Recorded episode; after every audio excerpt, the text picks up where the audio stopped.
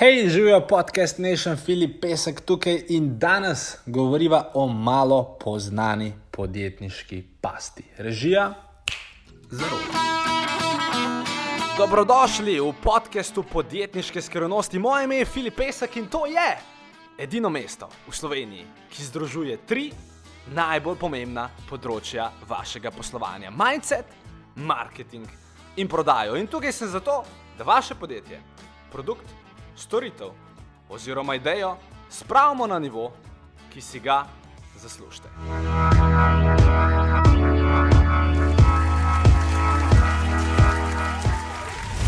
Preden začneva, lepo, da si tukaj, lepo, da kljub toplemu zunanjemu vremenu si pripravljen oziroma pripravljena prisluhniti tej uporabni vsebini in obljubim ti, da te leta ne bo pustila ravnodušnega oziroma ravnodušno. Joj, ne vem, kakšen stavek sem zdaj sestavil. Skratka, pred kratkim smo imeli uh, eno snemanje, slash fotkanje na nanosu. Uh, bom razložil takoj, kako se to povezuje z malo poznano podjetniško pastjo. In uh, Prej smo se nekako jaz, Nastja in uh, fotograf ujeli, uh, smo mogli zadevo štirikrat prestaviti. Torej, najprej smo vse skupaj planirali za konec aprila, pol tisti ni šlo čez zaradi enega razloga, pa potem v začetku maja je vreme bršlo vmes, pa potem je spet nekaj šlo na robe proti koncu maja in zdaj v četrto se nam je končno ratelj sestaviti in se dobiti in zadeve narediti, kot morajo uh, biti. In nekako me je ta situacija spomnila na poslovanje uh, nekega podjetja, v bistvu tudi mojega podjetja, zelo velikrat. Zato, ker včasih se enostavno stvari ne poklopijo. To verjetno, če ste podjetnik, veste tudi sami. In je pač treba nekako prilagoditi, najti nov datum, najti nov termin, skratka, stvari obrniti malenkostno okolje in napaka ki jo tukaj večina stvari naredi, je, da ko pač zadeve ne potekajo tako, kot bi mogle, da potem marsikdo poskuša vse skupaj obrniti na glavo in uh, istočasno, seveda, izrekati stavke. Nič ne deluje, ojoj, Madonna, ta teden je, ta teden, slash mesec, slash leto je pa res katastrofalno, prav nič nam ne gre po načrtu, itd. Zdaj, poleg tega, da je to seveda pretiravanje, razen seveda, če vam res nič ne gre po načrtu, ampak če vam nič ne bi šlo po načrtu, pa bi že bankrotirali. Tako da vsaj nekaj vam mora iti po načrtu. Uh, napaka, ki jo tukaj večina ljudi naredi, je, da prvič začnejo pretiravati in da drugič ne pogledajo objektivno na same korake prodajnega procesa. Ker ko enkrat pogledaš, oziroma si magar zrišeš sam prodajni proces, ugotoviš, da pravzaprav stvari niso tako črne, kot se na prvi pogled zdijo. Bom dal primer, da se bomo lažje razumeli. Dajmo reči, da uh, ste podjetje. Da ste prodajno podjetje, torej podjetje, kjer imate neke tržnike in nekaj tržte. In vi, seveda, potem na koncu meseca ugotovite, a ježeš Marija, uh, mi smo pa ta mesec prodali 20% manj vem, svojih produktov in storitev. Uh, mi grede, tudi če niste podjetje v direktni prodaji, vam bo ta primer prišel prav. Plus, če vam slučajno ne bo prišel prav, bom pa naredil še en drug primer, tako da v vsakem primeru vam bo to prišlo prav. In ja, recimo, da dobite torej, konec meseca rezultat, aha, 20%, 20% smo bili slabši kot prejšnji mesec. In potem se ve, klasičen podjetnik. Slovenski začne z, ojoj, nič ne deluje, vse gre na robe, o, Madonna, mogel se mu zapreti. Pač tako gre, ponovadi, miselni tok, vse veste, kako, kako pač stvari so. In uh, dosti bolj pametno bi bilo, recimo, pa še enkrat, sem tudi jaz kdaj naredil to napako, sam se pač, sem probil vse skupaj zavestiti in jo ne delam več tako pogosto. Ker velikrat ob takih situacijah pomaga, da se nekako zrišemo celoten prodajni proces. Torej, v primeru uh, podjetja iz direktne prodaje je zelo, mislim, je ponovadi zadeva taka. Torej, ali podjetje dobiva neke lide, ali pa podjetje pač, ne vem, ali trka po vratih, dela hladne klice, skratka, kar ko že pač dela. In ok, dajmo reči, da je to podjetje, ki dela uh, hladne klice. In uh, torej, če pogledamo prodajni proces, torej prodajni proces je tak, da oseba pokliče neznano telefonsko številko, potem se s to neznano številko uh, pogovarja, potem uh, dajmo reči, da se dogovori za sestanek. Potem dajmo reči, da se sestanek, iz, torej da nas potem neka druga oseba ponavadi prije na ta sestanek, prezentira zadevo in potem, dajmo reči, proda ali ne proda tega izdelka oziroma storitve. Pa še enkrat, tudi če vaš prodajni proces ni tak, ali pa če imate neko čist drugačno podjetje, nič narobe, se boste najdel v tem, kar bom v nadaljevanju pogledal. In zdaj, recimo, torej možno je, da uh, je torej, končni rezultat v takem podjetju napram prejšnjemu mesecu 20% slabši. Ampak, ko ti greš enkrat pogledat posamezne parametre, boš hitro ugotovil, da ne, ni vse narobe, ampak da samo en del ne dela več tako, kot bi mogel. Recimo, torej, ajdemo za primer vzeti um, april in maj. Torej, aprila je podjetje dobilo 100 lidov, od teh 100 lidov. Uh, jih je prodajna ekipa 50 uspela doklicati na telefon, od teh 50, ki jih je uspela doklicati na telefon, jih je.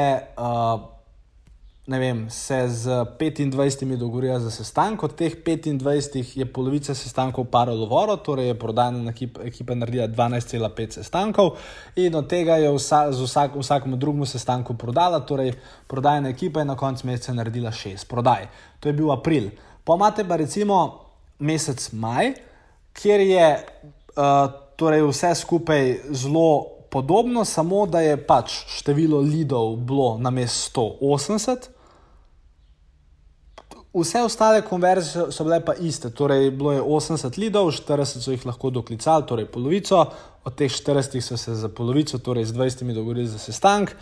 Od teh 20 se je 10 dni pokazalo, torej prodajna ekipa naredila 10 sestankov, in od teh 10 sestankov so vsakmo drugemu prodali, torej so naredili 5 prodaj. Aprila 6, maja 5.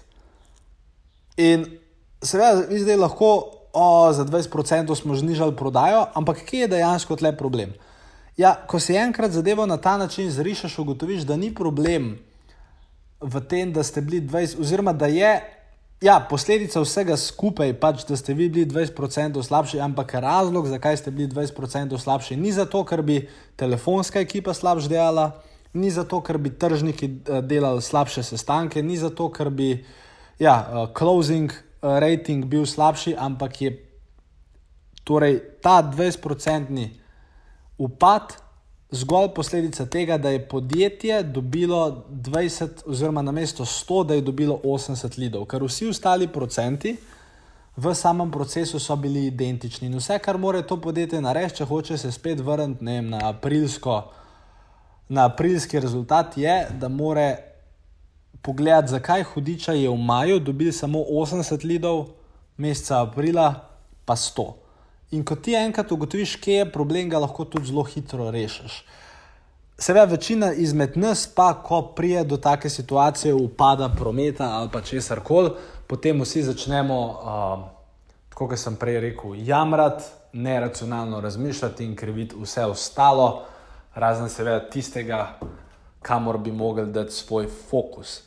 Zelo podoben primer, ne vem, tudi če imate, recimo, kakšno drugo podjetje, recimo, da imate neko podjetje, ki na internetu oglašuje masaže in lahko greste spet čez iste številke. Torej, aha, uh, pač aprila in maja je bilo vse isto, samo da, uh, ne vem, na mest uh, od vseh ljudi, ki so prišli v salon, niste jih prodali pol, ampak ste jih prodali tretjino. Vse ostale številke so bile pa iste. Jaz spet ne boste šli popravljati vseh stvari, ampak se boste samo vprašali, zakaj smo tokrat na mestu vsake druge osebe, ki je prišla v salon, prodali samo vsako tretjo. Aha, Majda je zbolela in je na mest nje uletela njena identična sestra Špela.